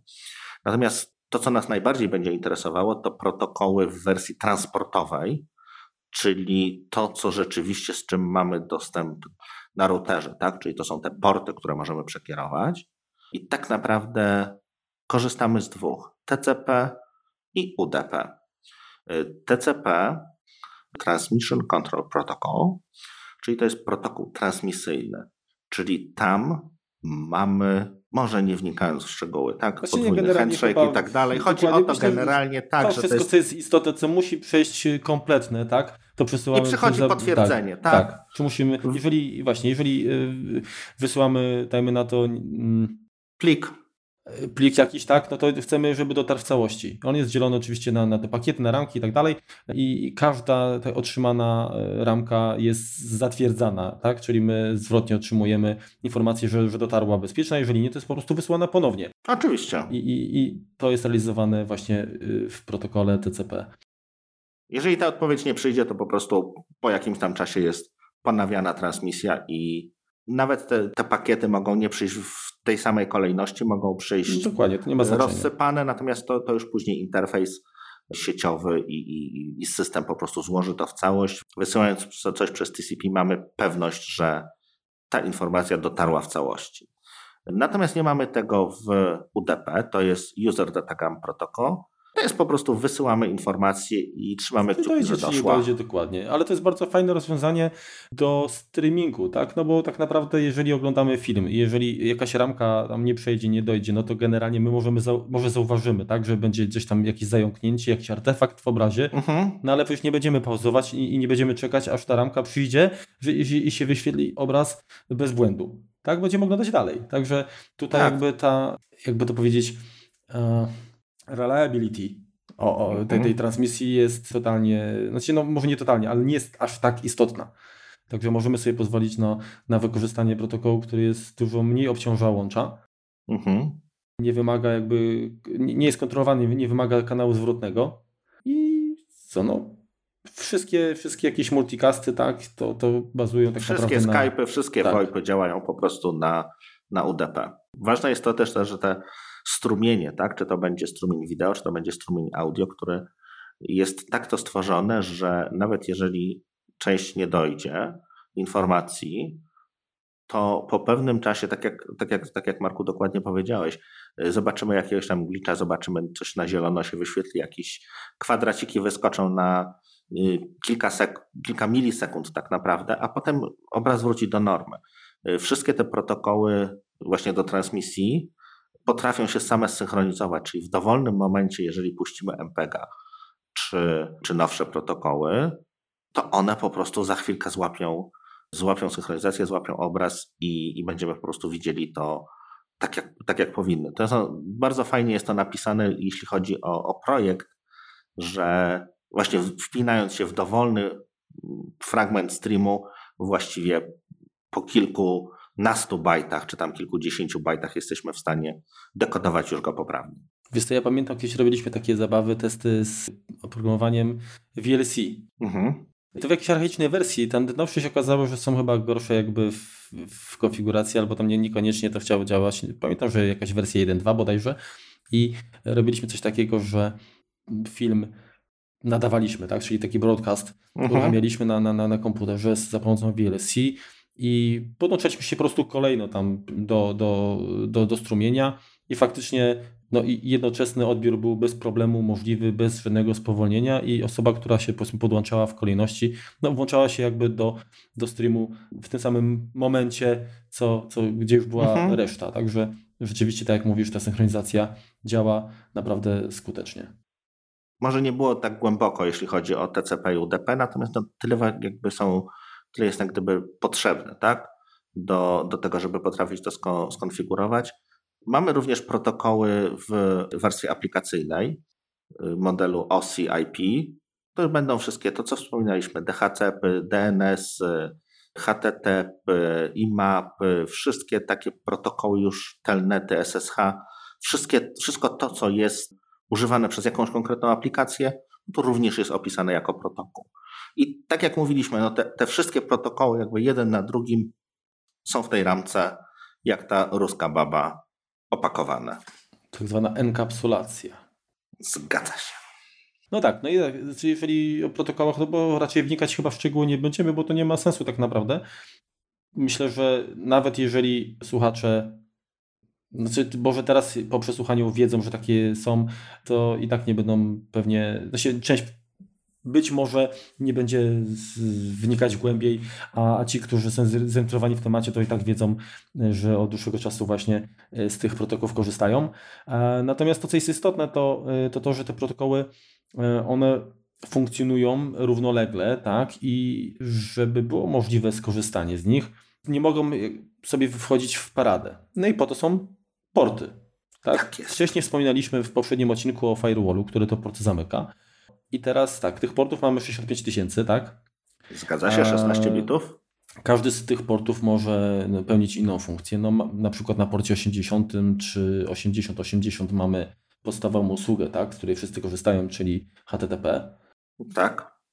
Na 110 mamy chyba POP trójkę, tak, czyli, czyli y, poczta przechodząca. Mhm. 25. Nieszyfrowana. Tak, tak. tak 25 to jest, to jest e, wysyłany, serwer poczty wychodzącej, tak? Mhm. FTP 21, SFTP 22 bodajże, ile już pamiętam? Tak. 443 to jest właśnie już jakiś szyfrowany, chyba HTTPS dokładnie? Tak, jest. Co tam jeszcze? Pamiętam, że wszystkie protokoły związane z, z AirPlayem to są gdzieś tam 5000 i coś, 5600 bodajże, czy 700. Jakoś tak to się zaczyna. Także generalnie tych, tych y, możliwości, tych furtek, którymi y, protokoły mogą, mogą się dogadywać ze światem zewnętrznym, tak, i, i, i, i naszym powiedzmy komputerem czy mhm. komputerem, jest, jest sporo. Oczywiście powinny być, jeżeli nie korzystamy, powinny być jak najbardziej zamknięte. W samej sieci lokalnej też usługi funkcjonują na portach, tak? Czyli jeżeli nie wiem, udostępniamy zasoby sieciowe, czy to jest y, AFP, czy SMB, czy nie wiem, cokolwiek jeszcze innego, to też musi mieć e, dedykowany port otwarty. Bez tego po prostu e, usługa nie ma szansy zadziałać. No i tutaj oczywiście przydatne są programy do większej kontroli, czyli typu Little Snitch na przykład, czy, czy Radio Silence, ale mhm. generalnie oddałem Ci głos, bo pewnie masz dużo więcej doświadczenia, jeżeli chodzi o konfigurację, ustawienia tych portów, e, także... Wiesz co, powiedziałeś właściwie niemal wszystko. E, wielki, wielki szacunek. No tak, mamy tych portów rzeczywiście e, dużo, 65 tysięcy, przy czym początek, czyli te pierwsze 1024, czyli od 0 do 1023, to są tak zwane te porty dobrze znane, takie, gdzie protokoły, które się tam pojawiają, są zarejestrowane przez taką organizację IANA, która się zajmuje standaryzacją internetu. Zdarzają się tam jakieś takie duplikaty, tak? Natomiast no to są generalnie usługi jakby wiekowe i, i ustandaryzowane bardzo mocno, tak? Czyli na przykład wspominałeś o Microsoftowym SMB, to będzie pod 445 aktualnie.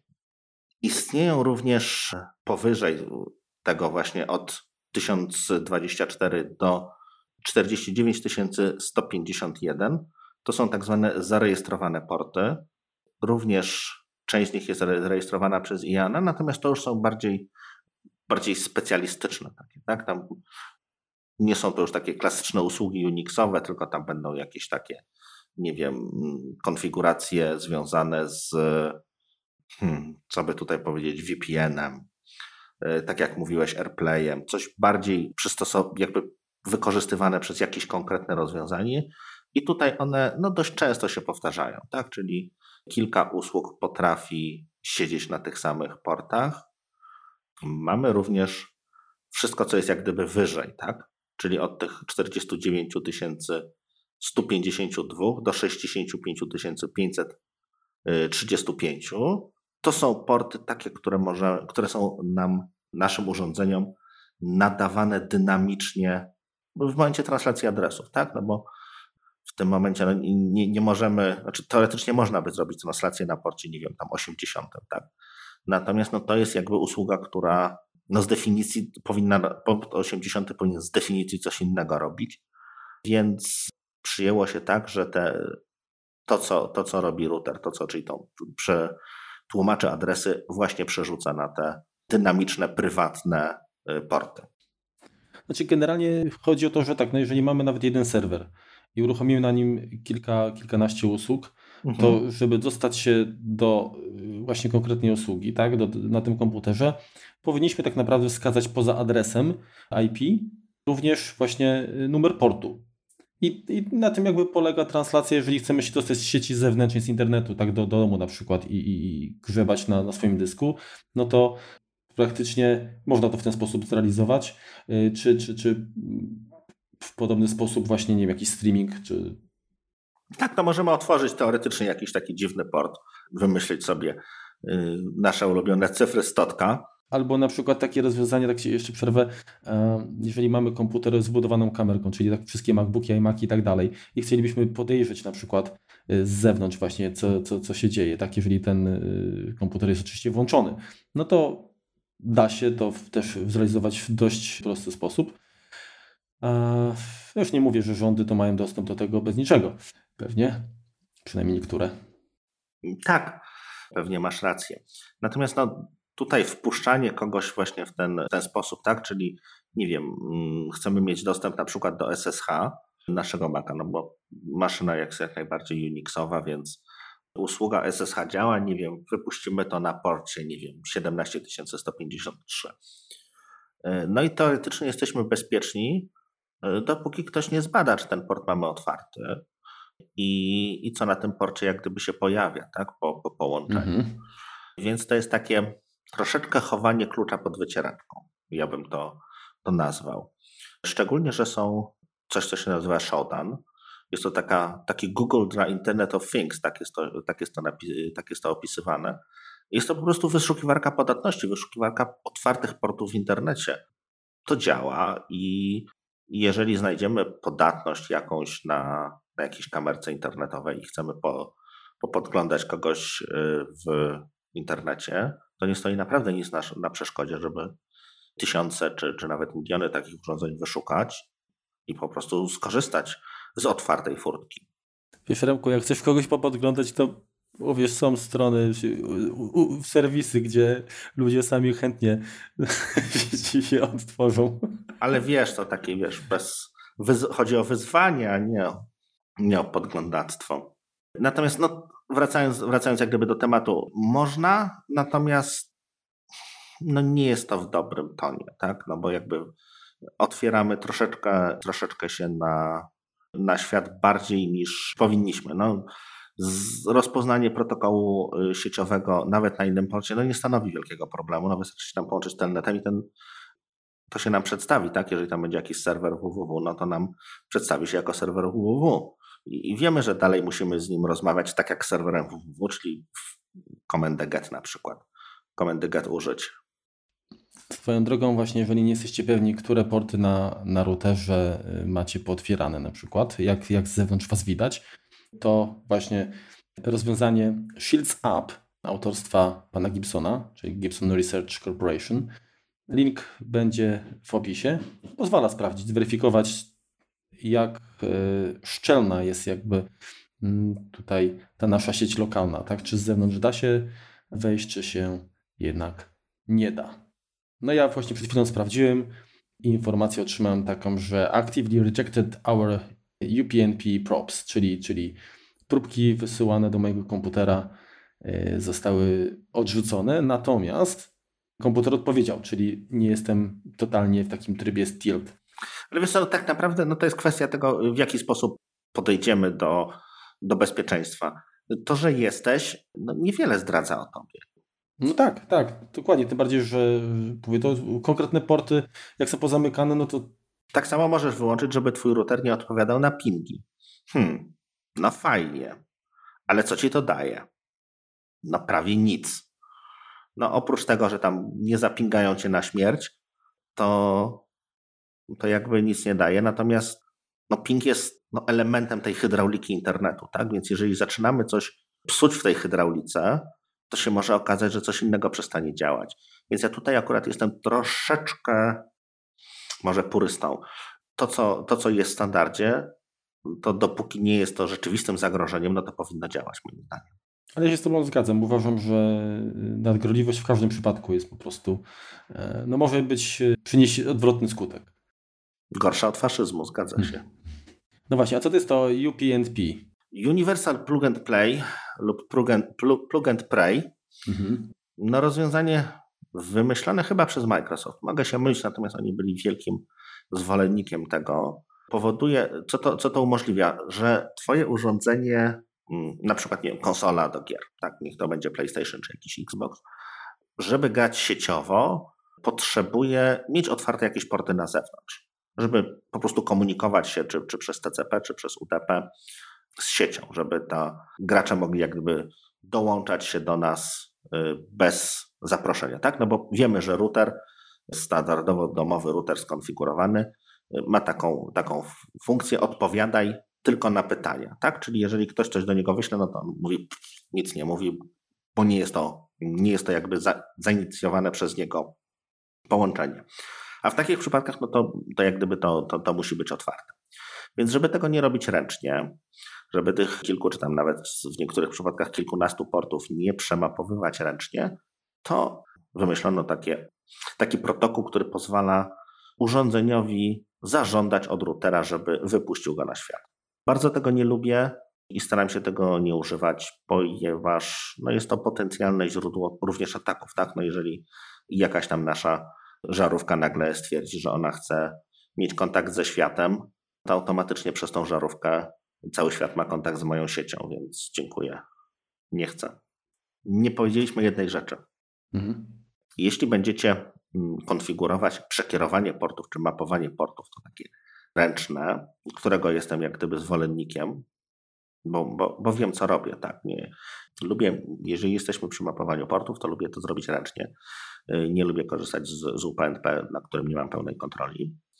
To mamy możliwość właśnie wpisania naszemu, powiedzenia naszemu routerowi, że jeżeli ktoś coś od niego chce na danym porcie, tak, niech to będzie, nie wiem, jeśli chcielibyśmy postawić sobie jakiś serwer newsów, czy korzystać z newsów wydajnie, no to one się synchronizują po porcie 119, tak? Czyli możemy sobie lokalnie postawić jakiś serwerek, który chcemy, żeby, żeby się synchronizował z nim, czy, czy jakąkolwiek usługę, tak? która żeby była po prostu otwarta dla ruchu przychodzącego. Nie wiem, jesteśmy y, bardzo dzielni i chcemy sobie postawić sam, sami serwer www. No to wtedy musimy ten, y, no nie stawiamy go na routerze, natomiast ten port, który odpowiada za tą usługę, czyli w tym momencie przy, przy NNTP 119, przy, przy HTTP port 80 po prostu konfigurujemy, żeby jako takie translator, czyli wpisujemy, że port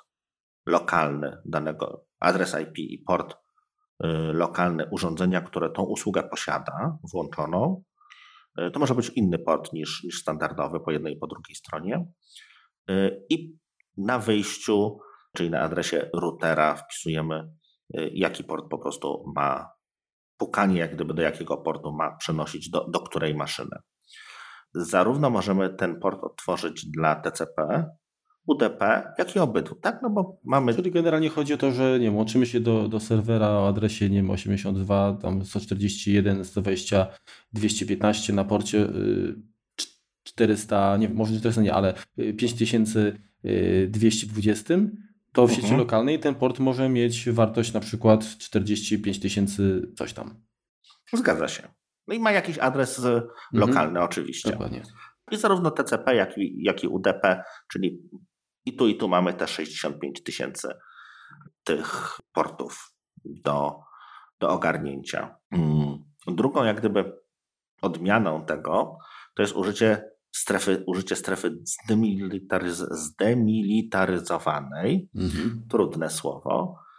Tak naprawdę w tym momencie wydzielamy kawałek sieci, jakby podsieć, nazwijmy to, w której są y, usługi, które są publiczne i do niej robimy również jakąś tam translację adresów, czyli na przykład cały ruch możemy przekierować na jakiś, jakiś serwer, wszystkie porty. Tak? Czyli wszystko, co przychodzi, Ziutek wie wszystko, wszystko, co przychodzi, gadaj z Ziutkiem. I to będzie jakby przekierowywane do serwera Ziutek.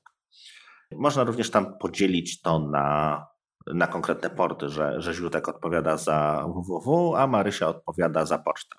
Co to daje? No jakby takie troszkę bezpieczeństwo, no bo te internetowe rzeczy, to takie jakby zewnętrzne pakiety, tak, zewnętrzne wiadomości, no nie biegają nam po sieci lokalnej, biegają tylko i wyłącznie w tej sieci zdemilitaryzowanej, gdzie pomiędzy siecią zdemilitaryzowaną a y, naszą siecią lokalną mamy dodatkową zaporę, tak? Czyli jeżeli ktoś przejmie nam serwer www, no to nie przejmie nam powiedzmy, nie wiem, serwera naszego NASA, tak? którego mamy gdzieś, y, gdzieś u siebie lokalnie.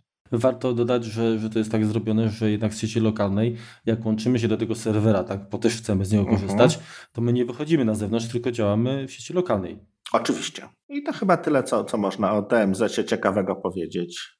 Chyba, że masz jeszcze jakieś. Ale to już nie o DMZ. Mam jeszcze, jeszcze jeden taki element, myślę, dość istotny. TTL, bo jak mówiliśmy o, o pingach, generalnie o pakietach, to y, nie wspomnieliśmy, że jest taka wartość, taki, taki dodatkowy parametr. TTL to generalnie mi się kojarzy z układami scalonymi. Tak, bo jest ta sama nazwa.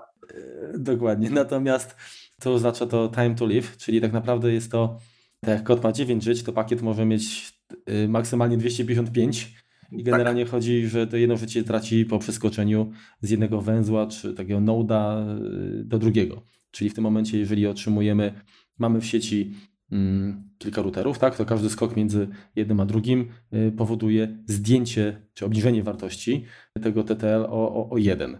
I po co to jest? No po to, żeby gdyby nie było takiego parametru, to pakiet, który nie trafił do celu, lata cały czas w sieci dalej i powoduje no, zbędny, zbędny ruch. Internet przestałby działać w 5 sekund. No dokładnie, także, także te pakiety po prostu jeżeli po pewnym czasie, czy po iluś tam y, próbach dotarcia do celu nie, nie trafiają. Hopach. Hopach, tak, to lepiej wysłać ponownie, niż y, pozwolić takiemu pakietowi krążyć w nieskończoność. Warto pamiętać o tym, bo swego czasu, y, gdy internet, znaczy właściwie nie, nie tak dawno jeszcze, to dostawcy internetowi bronili się w ten sposób, dość prymitywny zresztą, przed podłączaniem przez użytkowników większej liczby urządzeń. Czyli jeżeli mm, otrzymaliśmy łącze od dostawcy, to tak naprawdę jeden komputer wpięty funkcjonował, tak? Dlatego, że jakby ten pakiet miał jeszcze tylko siłę skoczyć ten jeden raz, czyli do, do, do komputera mhm. docelowego. Natomiast jeżeli włączaliśmy y, między ten komputer a, a urządzenie od, od dostawcy y, własny router, y, który jeszcze dalej to miał propagować, no to się okazało, że te pakiety nie docierają, po prostu giną w pół drogi, krótko mówiąc. Mhm. I osoby, które troszeczkę zorientowane były w temacie, no oczywiście mogły i miały dostęp do konfiguracji, mogły ręcznie podbić wartość tego TTL-a po to, żeby jednak dalej te, te, te doleciało, tak. Te leciało dalej i po prostu można było troszeczkę oszukać. Do czego jest też używany TTL? Jeśli któraś z dróg jest bardziej kosztowna, czyli y, mamy na przykład jedno łącze, za które płacimy za transmisję, a za drugie nie płacimy, y, to możemy sztucznie ustawić ten TTL, żeby serwer czy, czy, czy router y, ściągały jak gdyby więcej żyć po jednym skoku, żeby wyglądało dla, dla sieci, że tamtędy jest dalej. No bo też oczywiście w ten sposób się pakiety są kierowane, żeby kierować się no, najkrótszą drogą. No bo jeżeli ten pakiet zacznie latać w kółko, no to raz, że umrze nam po drodze, dwa, no będzie, nawet jak nie umrze, to będzie to dużo wolniej niż, niż tą najkrótszą drogą, tak? Więc tutaj jest taka, taka możliwość. No więc tak jak TTL jest pewnym ograniczeniem internetu, też to, też to, też to warto o tym pamiętać. I, no bo jakby przekątna, tak? czyli od najdalszego punktu sieci do najdalszego punktu sieci, no nie może być dłuższa niż 255 routerów, bo inaczej one się po prostu nie zobaczą. Więc to też, e, też należy pamiętać. Aktualnie z tego co pamiętam, to, to przekątna internetu to było w granicach chyba 40 hopów, bo są ludzie, którzy to mierzą oczywiście. Zresztą, jak wspomnieliśmy o o Traceroutie ostatnio też, to mhm. za pomocą tego narzędzia możemy sprawdzić, tak, ile razy musi ten pakiet sobie skakać, żeby mhm. dotrzeć, dotrzeć do celu. Notabene nie wspomnieliśmy chyba ostatnio, yy, przynajmniej jakoś tak konkretnie, na Maca nie znalazłem, ale na PC to jest bardzo fajne narzędzie, się nazywa yy, Visual Route. I, to jest taki ping, który pokazuje konkretnie yy, na mapie wręcz, mhm jak no ten nasz pakiet, ten y, ICMP, gdzie on musi mm, przez jakie serwery, jakie lokalizacje musi skakać, żeby dotrzeć do, do adresu, który właśnie pytujemy. Fajna, fajna naprawdę rzecz. I też potrafię, po, pozwala na, na, na zdiagnozowanie, tak? E, bo oczywiście e, każdy taki węzeł, każdy taki hop się przedstawia, czyli jesteśmy w stanie sprawdzić generalnie jaki dostawca obsługuje to i tak dalej. I, no, to się przydaje właśnie do diagnozowania i, i próby mm, powiedzmy później mm, do znalezienia przyczyny czy, czy, czy monitorowania, jeżeli coś jest nie tak. Należy tylko jednak pamiętać o jednej rzeczy, szczególnie pewnie spotka Was to, jeżeli będziecie sprawdzali właśnie tracerouta z komórek, tak? czyli przez operatorów komórkowych. Bardzo możliwe, że tych hopów nie dostaniecie zbyt wiele, przynajmniej na początku, ponieważ dość szybko po prostu wasze pakiety są pakowane w VPN-a. Tak? Jeżeli y, na waszej drodze znajduje się VPN, to nawet jeżeli pomiędzy jednym a drugim punktem tego, tego łącza VPN-owego, czyli tej jakiej wirtualnej sieci prywatnej, będzie 150 routerów, to i tak będzie to jeden hop dla niego, no bo jakby jest opakowywany, znowu mamy tą enkapsulację. Więc pokazuje sporo, natomiast też go można oszukać. Okej, okay. więc to tak jeszcze mi się przypomniało, że generalnie jeżeli mówimy o urządzeniach o adresacji tak, w sieci, nawet jeżeli, y, tym bardziej jeżeli korzystamy z, z DHCP-a, czyli z, z dynamicznego przydzielenia adresów, no to nie wpiszemy y, urządzeniom ręcznie, to może zaś potrzeba, ok, teraz kurczę, ten telewizor, powiedzmy, ten smart TV, który mam, albo nie wiem, klimatyzator, albo coś, kurczę, jaki on miał adres, tak? I jakiego narzędzia ty używasz? Natomiast ja na Macu skanuję sieci lokalne za pomocą programu, który się nazywa Network Radar. To jest firma Vid Software. Bardzo fajna rzecz. Na, na iOS-a znowu to program, o którym kiedyś wspominaliśmy, czyli skany. No tak, tylko że iOS niestety nie ma już dostępu do e, mhm. MAC adresa, więc e, dowiemy się, co to jest za urządzenie, natomiast nie dowiemy się, kto jest jego producentem, więc no, zbyt wiele się z, z wielu urządzeń niestety nie da, nie da wyczytać.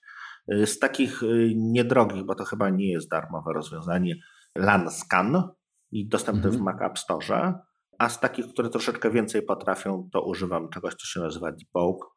Mm, to jest już bardziej taki, on tam potrafi i, i, i troszeczkę analizować sieć Wi-Fi. To taki sniffer, tak to jest? To jest sniffer, tak. Mhm. Ale bardzo szybko działa i, i, i skanuje dość szybko, więc korzystam z debuga po prostu. No bo tak, bo to jest problem, tak? Kupiliśmy sobie właśnie, tak jak mówiłeś, to nowe, nowe urządzenie i no, no gdzieś jest w naszej sieci, ale gdzie? No bardzo często producenci umieszczają tam jakiś adres, czy w instrukcji, czy, czy wpis taki DNS-owy, który potrafi go jak gdyby odszukać. Natomiast po co y, sobie utrudniać, skoro możemy bardzo szybko prze, przeskanować swoją sieć i to wyszukać. Okej. Okay. I moim skromnym zdaniem y, temat może nie wyczerpaliśmy, natomiast zakończyliśmy jak na razie. Możemy się umówić, że jeśli bardzo Was zachęcamy do, do jakby dodatkowych pytań i, i ciągnięcia nas za język, spróbujemy, no może damy Wam jakiś czas, jeżeli tego się nazbiera, tak, to zrobimy jakiś taki suplement, gdzie opowiemy, poprawimy błędy, które, które tam nam wyszły pewnie, czy opowiemy coś, co, co chcielibyście mieć jeszcze lepiej wyjaśnione, tak, czy, czy, czy, czy jeżeli o czymś zapomnieliśmy. Natomiast na razie y, sieci uważamy za temat sieci, zakończony. Ale, ale, nie usługi sieciowe, bo tak jak wspomnieliśmy na tak, początku, tak, tak. Y, Wi-Fi, VPN i tak dalej, to wszystko czeka na swoją kolej. Y, ja ze swojej strony zachęcam do dzielenia się też problemami, które doświadczyliście w sieciach, tak? Te, które Wam się udało rozwiązać, te, które nie. I być może wspólnie podzielimy się jakby tą Waszym doświadczeniem i, i, i naszą wiedzą in, właśnie ze słuchaczami. Y, no bo to zawsze, zawsze przyjemnie. Jeżeli dla nas będzie coś nowego, to może, może i doradzimy, jak w przyszłości powiedzmy sobie no, poradzić tak, z, z jakimś takim e, taką komplikacją. Jak na razie faktur nie wystawiamy za usługi, więc. No, no to myślę, że rzeczywiście możemy z czystym sercem pożegnać naszych kochanych słuchaczy. Dziękujemy jak zwykle za, za miłe słowa, za feedback. Feedback, Wojciech feedback, normalnie mi się kojarzy. Feedback. Za komentarze, za oceny im więcej, tym lepiej, bo to jakoś no, wymiernie pomaga nam dotrzeć do, do większej liczby osób. I łechce na ego. I łechce nas, to dokładnie. E, naklejki wciąż są do wzięcia, także piszcie, a jak piszcie to no, mailem nie no tak. prześlemy naklejki, także potrzebujemy niestety, ale e, adresy takie snailowe, tak? Oczywiście Giodo wie, nie zbieramy żadnych informacji, także możecie być spokojni. Zgadza się. No nie będziemy kredytów na Was zaciągać, zresztą po samym adresie to byłoby trudne. To tyle. No co, bardzo dziękujemy. Trzymajcie się i, i do usłyszenia. Czy powiemy o czym będziemy? Nie powiemy o czym będziemy. Nie, nie mówimy. Tak do usłyszenia, bo to wiesz, teraz ciężkie czasy, coraz ten 2018 jest taki napięty, taki ciężki. No. Pozdrawiam. Dzięki, na razie, hej, Do cześć. następnego, pa.